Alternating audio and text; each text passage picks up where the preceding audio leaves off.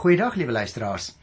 Ons is vandag by die 11de hoofstuk en ek gaan uh, twee hoofstukke doen vandag uit 1 Samuel, naamlik hoofstuk 11 en 12.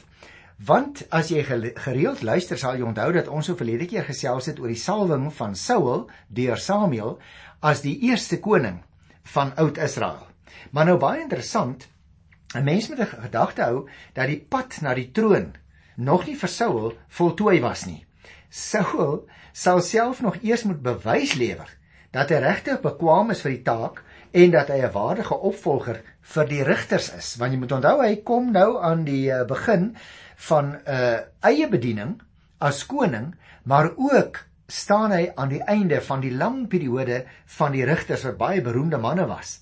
Nou dit beteken dus dat die gees van God ook in hom kragtig sal moet werk sodat hy vir die volk redding sou kon bewerk. En hierdie geleentheid het dan nou ook spoedig aangebreek. Want as jy 'n Bybel voor jou oop het, ek hoop party van ons mense uh wat uh in die gerief van hulle huise miskien na ons program luister, ek hoop dat julle altyd 'n Bybel voor julle oop hou dat julle kan sien waar ek is, want in ons program gaan ons mos die Bybel so met klein happies deur om deeglik daarna te kan kyk. Nou as jy Bybel voor jou het, sal jy sien die opskrif by 1 Samuel 11 is Saul verslaan die Ammoniete. Nou daarom sê ek hy het as dit ware sommer nou dadelik 'n baie goeie toets wat hy sal moet slaag. Kom ons lees dit. Nagas, die Ammoniet, het opgetrek in Jabes in Gilead beleer. Al die inwoners van Jabes het vir Nagas gesê: "Sluit 'n verdrag met ons, dan sal ons jou onderdane wees." En Nagas die Ammoniet het vir hulle gesê: "Op hierdie voorwaardes sal ek dit doen." Ek steek elkeen van julle se regter oog uit tot skande van die hele Israel. Toe sê die leiers van Jabes vir hom: "Gee ons 7 dae kans sodat ons boodskappers deur die hele gebied van Israel kan stuur. Indien niemand tot ons redding kom nie, sal ons ons aan u oorgee." Nou die belering van hierdie plek, Jabes, daar in Gilead, liewe luisteraars, deur die Ammoniete, hou natuurlik in dat hulle koning Nagas sy gebied sowat 50 km noordweswaarts uitgebrei het. So dit is glad nie so 'n gerieflike saak as wat dit nou sommer mag lyk as mense net so lees nie, né?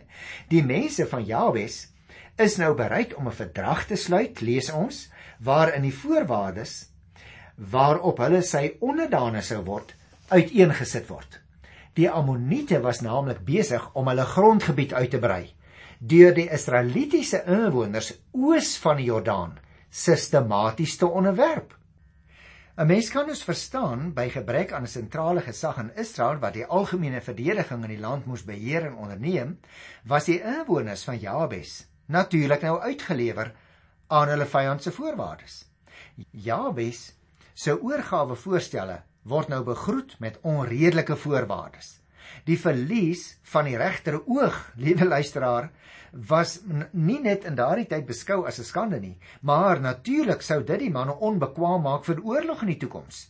Die vyand is dus gewillig om 7 dae te wag, menende dat daar tog in elk geval niemand onder Israel is wat hulle sal kan bymekaar kry en hulle sou kon help om teen ons wat baie sterker is te veg nie want Israel het nie 'n koning nie. So reken die Ammoniete, né?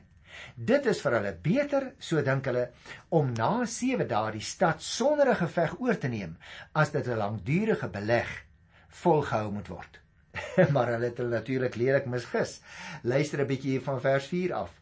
Die boodskappers het by Saul se stad Gibea gekom en ten aanhore van die volk die hele saak uiteengesit. En die hele volk het hard gehuil. Toe kom Saul net agter die osse van die land af en hy vra: Wat maak hierdie volk dat hulle so huil? Hulle het hom toe vertel wat die manne van Jabes gesê het. Die gees van God het kragtig in Saul gewerk toe hy dit hoor en hy het woedend geword. Nou dit is belangrik wat ons hier lees nê. Vers 7 sê: "Toe vat hy die twee osse, kap hulle in stukke, stuur dit deur die hele gebied van Israel met boodskappers wat sê: Hy wat nie agter Saul en Samuel optrek nie, so sal met sy beeste gemaak word." 'n geweldige skrik in die volk oorval en hulle het soos een man opgetrek. Saul het hulle in Besek getel. Daar was 300 afdelings Israeliete en die manne van Juda was 30 afdelings. Hulle het toe vir die boodskappers wat gekom het gesê: "So moet julle vir die manne van Jabes en Gilead gaan sê: Môre as die son warm word, sal daar vir julle uitkoms wees. Die boodskappers het gegaan en dit aan die manne van Jabes vertel en hulle was bly. Die manne van Jabes het egter vir Nagas gesê: "Môreoggend gee ons ons aan julle oor. Dan kan julle met ons maak net wat julle wil." Dis my baie interessant as 'n mens hierdie paar verse lees want jy sien daar was natuurlik noue bande tussen die inwoners van Jabes en die Benjaminiete. Ek gaan maar weer gaan kyk daar Rigters 21. Sy eerste 12 verse het ons dit ge gekry. Sodat die berig daar meer verontwaardiging ontlok het as elders in die land. Bekragtig nou deur die gees van God het Saul soos die rigters voor hom ook gedoen het dadelik kragdadig opgetree en die kruismanne in die hele omgewing opgeroep. Ek wil weer vir 'n oomblik uh, net weer stil staan by vers 7 waar ons gelees het hoe hoe Saul toe twee osse gevat het, hulle in stukke gekap het, deur die hele gebied van Israel gestuur het met boodskappers en sê hy wat nie agter Saul en Samuel optrek nie, so sal met sy beeste gemaak word.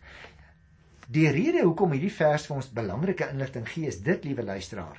Dis baie opvallend dat dit met Saul presies gaan soos met Samson wat een van die rigters was destyds, né? Daar in uh, Rigters 14 vers 19. Saul, so lees ons hier, doen wat sy hand vind om te doen. Daar in vers 7. En hy doen dit op 'n baie uh, sprekende manier. Saul gebruik naamlik die naam Samuel omdat hy nog die erkende leier was op daardie stadium. En die geweldige skrik waarvan hier gepraat word in die teks word bewerk deur die Here. Hy kon dit op die volk se vyand laat kom om hulle buite aksie te stel en so kon hy sy eie mense beskerm as die Here so sou wou doen. Maar in hierdie geval besef die volk dadelik dat die Here met hulle kan laat gebeur wat Saul met die osse gedoen het as hulle nie hulle verbondenheid met die mense van Jabes eerbiedig nie. Almal trek dus op, sê die 7de vers, soos een man.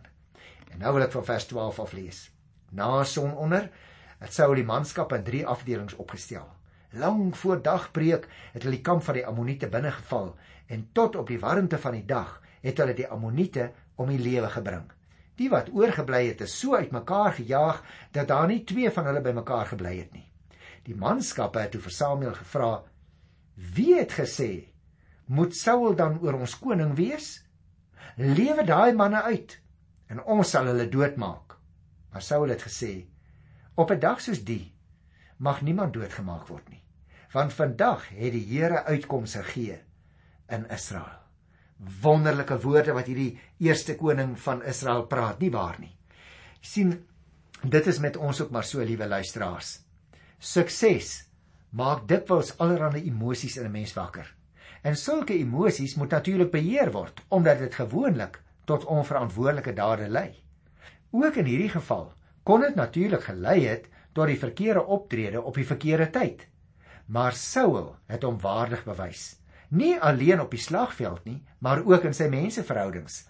Albei is ewe noodsaaklik vir die koningskap. Goeie menseverhoudings nê en ook natuurlik op die slagveld 'n dapper soldaat. Al die bewyse is nou gelewer dat Saul die man vir die troon is. Die bevestiging deur die volk kan nou sonder enige teespraak finaal afgerond word. En dit geskied dan in die stad Gilgal met veral moet ons nou onthou sy invloedryke kultiese sentrum. En dit, liewe luisteraars, tesame met die gepaardgaande maaltydoffers wat die ouens gaan bring het, verleen aan die gebeurtenis 'n godsdienstige kleur wat dit voorheen by Mispa natuurlik nie gehad het nie. Maar let nou op hierdie 14de vers. Toe sê Samuel vir die manskappe: "Kom ons gaan na Gilgal toe en bevestig daar opnuut die koningskap." Jy sien liewe luisteraar, nou dat Saul bewys gelewer het dat hy 'n leier is wat onder die gees van die Here optree, geniet hy almal se steun. By Mispa word hy dus in werklikheid eers as volwaardige koning aanvaar. Ons gaan dit lees in vers 24. En nou wil Samuel dit juis daar by Gilgal opnuut laat bevestig. Die woordjie opnuut wat ons nou hier lees, kan of terugverwys na wat by Mispa gebeur het of dit sou ook kon verwys wat na 7 dae hiervandaan vorentoe by Gilgal gaan gebeur. Maar uh, dit kan uh, moontlik tot verwarring lei as mense vinnig lees totdat jy besef dit is 'n opmerking wat hier ingevoeg word deur die eindkommulator. Die leser, met ander woorde, word nie noodwendig daaroor ingelig nie. Die aanvaarding en die bevestiging van die koningskap is egter belangrik. En dit is so 'n belangrike kultiese sentrum soos Gilgal dat dit juis soveel meer betekenis gehad het dat hulle dit daar sou gaan doen. Luister na vers 15. Al die manskappe is toe na Gilgal toe en daar in Gilgal het hulle voor die Here aangekondig dat Saul koning is. Hulle het daar maaltydoffers voor die Here gebring en Saul en al die manskappe van Israel was baie bly. Mens kan dit natuurlik verstaan, maar wat vir my miskien die mees opvallende van daardie 15de vers is, liewe luisteraar, is dit daar staan voor die Here. Met ander woorde kan ons aanvaar by die heiligdom, daar is Saul as se koningskap in 'n sekere sin beseël met 'n gemeenskaplike maaltyd en nou is die koning word eers afgehandel. En daaroor lees ons in daardie 15 vers ook almal was daaroor baie bly. Maar nou terselfdertyd aan die een kant in ons program wou ek nou vandag die uh, bevestiging van Saul se koningskap afhandel, maar ek wil ook die volgende hoofstuk handel afhandel want hier het ons nou Samuel wat sy afskeidsrede lewer. En ek dink dit is baie belangrik as ek oorsigtelik enkele opmerkings mag maak, liewe luisteraar, want Samuel is so wonderlike figuur in die Bybel. En Samuel se uittreerede is die aanduiding van die einde van die rigtertydperk. Ons staan is hier ook weer by 'n skanuur oomblik in die geskiedenis. En ek dink dit moet vergelyk word met twee ander gedeeltes. Onthou jy nog sy optrede as rigter in hoofstuk 7? En 'n ander belangrike baken oomblik was uh, sy uiteensetting van die reg van die koning in hoofstuk 8. As ons dus nou hier by die 12de hoofstuk kom waar hy sy uittreerede lewer, dan moet ons onthou in sy uittreerede vra hy 'n beoordeling van sy werk en terselfdertyd kontrasteer hy sy optrede met die van 'n tipiese koning en skerp hy dit in vir die mense dat die mag en taak van die profeet nie tot 'n einde gekom het nie. En dit is baie belangrik, liewe luisteraar, want uh veral as ons by die boeke Konings en Kronieke kom later, dan gaan ons ook dikwels sien hoe dit 'n profeet van tyd tot tyd deur die Here geroep is om sekere perspektiewe reg te stel.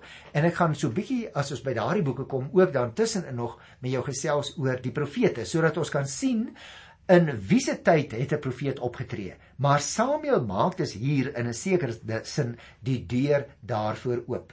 Kom ek lees die eerste 5 verse. Samuel het vir die hele Israel gesê: "Kyk, ek het aan julle versoek toegegee. Soos julle my gevra het, het ek 'n koning oor julle aangestel. Hier is die koning dan nou." Hy sal julle lei. Maar ek is al oud en grys en my seuns hier is saam met julle. Ek het julle van my jeug af tot nou toe gelei. Lê dan nou getuienis teen my af in die teenwoordigheid van die Here en sy gesalfde. Van wie het ek 'n os gevat? Van wie het ek 'n donkie gevat? Wie het ek benadeel of vir wie het ek verdruk? Uit wie se hand het ek omkoopgeskenke aangeneem om 'n onreg oor te sien? Ek sal dit terugbetaal. Toe antwoord hulle: U het ons nie benadeel en ons nie verdruk nie. U het van niemand van ons iets gevat nie. Verder sê Samuel vir hulle: Die Here is hier by julle getuie en sy gesalfde is vandag ook getuie dat julle niks teen my gevind het nie. En hulle sê: Die Here is getuie. Ek dink is belangrike opmerkings hierdie uh, luisteraars want Saul sal van nou af die volk in politieke en in militêre sake lei. Samuel se pligte as profeet en priester word egter nie deur sy uittrede geraak nie. In hierdie hoedanigheid wil hy met die volk in gesprek tree. Maar voordat hy dit doen, sê hy vir hulle: "Julle moet eers sê wat julle van my dink." Maar nou bevestig hulle, daar is niemand wat 'n vinger op Samuel wat nou 'n ou man is, se werk kan lê nie. Hy het van niemand iets gevat nie. Hy het die koning wat hulle so begeer, die sal egter allerlei dinge van hulle vat. En daarom gaan ek nou nou ook van vers 11 af dit behandel.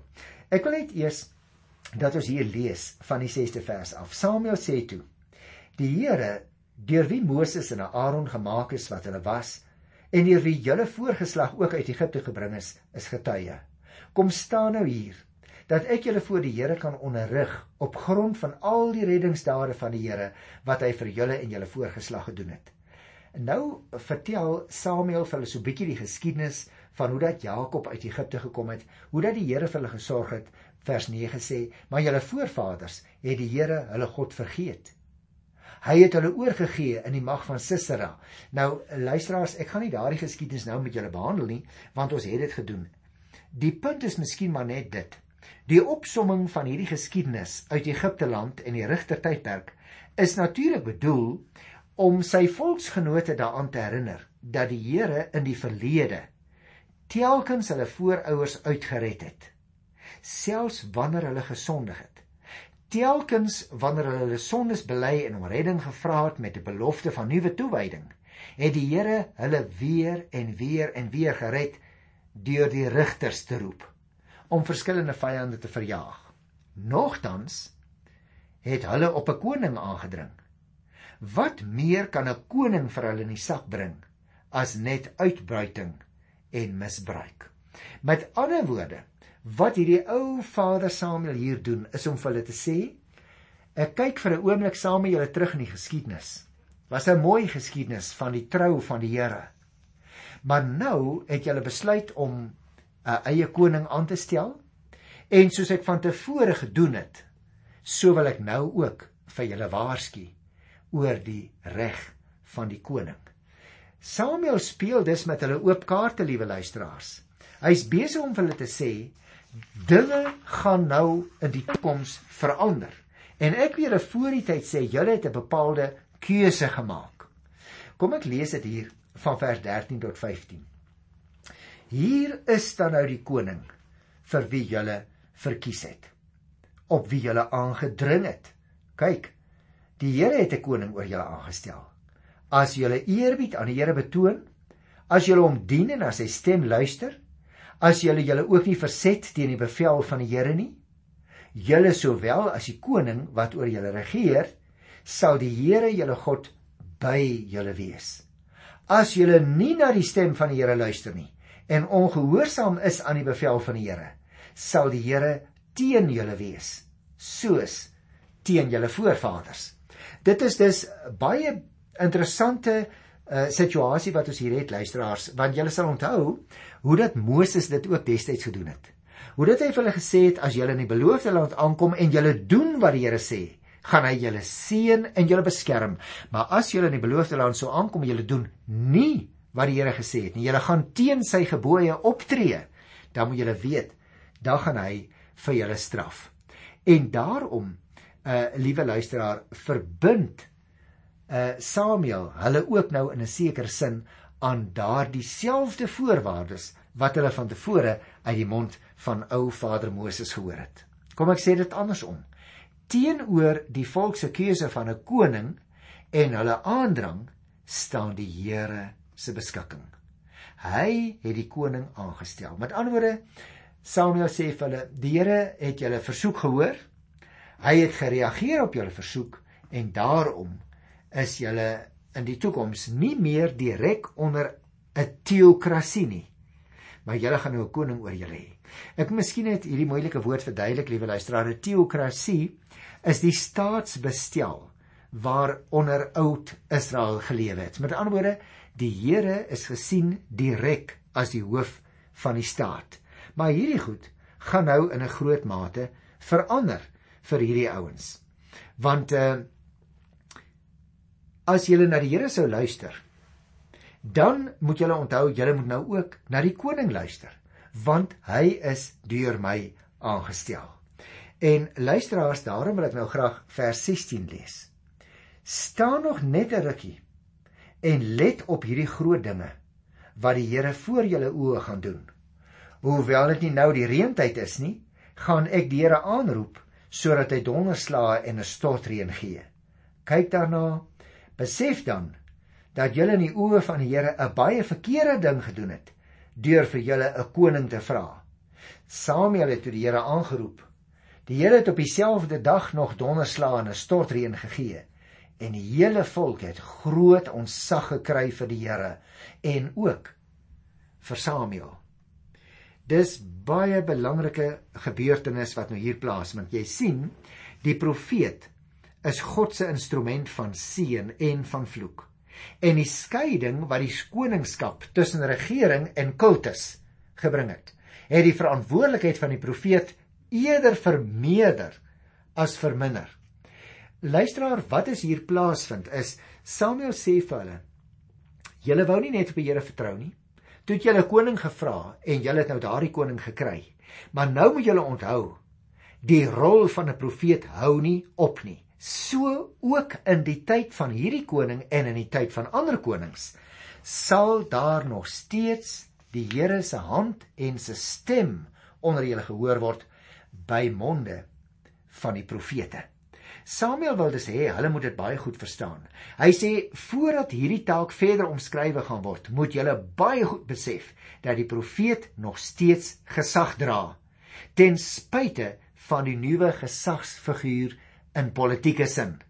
Daarom volg die donderstorm in die droë oestyd. Kom ons lees 'n bietjie daarvan van die 19de vers af. Die hele volk het vir Samuel gesê: "Bid tot die Here u God vir ons sodat ons nie sterwe nie. Want by al ons sondes het ons nog boonop 'n verkeerde ding gedoen deur vir ons 'n koning te vra." Samuel sê toe vir die volk: "Moenie bang wees nie. Julle het nou wel hierdie verkeerde ding gedoen, maar moet nou net nie van die Here af wegdraai nie. Dien die Here met julle hele hart. Moenie agter die afgode aan wegdraai nie. Hulle kan nie help nie, hulle kan nie red nie, want hulle is niks." Terwille van sy groot naam sal die Here nie sy volk prys gee nie. Die Here het besluit om julle sy volk te maak. Ook ek sal nie teen die Here sondig deur op te hou om vir julle te bid nie. Ek sal aanhou onderrig gee in die goeie en die reguit pad. Wees net gehoorsaam aan die Here. Dien hom opreg met julle hele hart. Let op die groot dinge wat hy vir julle gedoen het. Maar as julle opsetlik verkeerd doen, sal julle sowel as julle koning uitgewis word. Nou liewe luisteraar, die natuurwonder van 'n storm in oestyd maak soveel indruk dat die volk opnuut besef dat hulle oortree het met hulle aandrag op 'n koning. Samuel stel hulle nou gerus met 3 argumente wat hy noem. Nommer 1: 'n waarskuwing om nie meer te sondig en afgoderry te beoefen nie, maar die Here opreg te dien. Die tweede vereiste wat hy onderstreep is 'n versekering dat die Here ter wille van sy naam nie sy volk sal prysgee nie. En die derde ding, 'n belofte dat hy sal voortgaan om vir hulle te bid en hulle te onderrig. Nou hierdie drieledige boodskap van Samuel, lyk dit vir my liewe luisteraar, vorm die basis vir die werk van die profete wat na hom sou volg. Hulle sou ongeag die persoon nie huiwer om God se oordeel of sy redding aan te kondig nie. Dit beteken dat hulle die optrede van die koning sou beoordeel in die lig van God se bepalinge. Andersins sou hulle vir die volk intree deur gebed en hulle te onderrig oor die wil van die Here.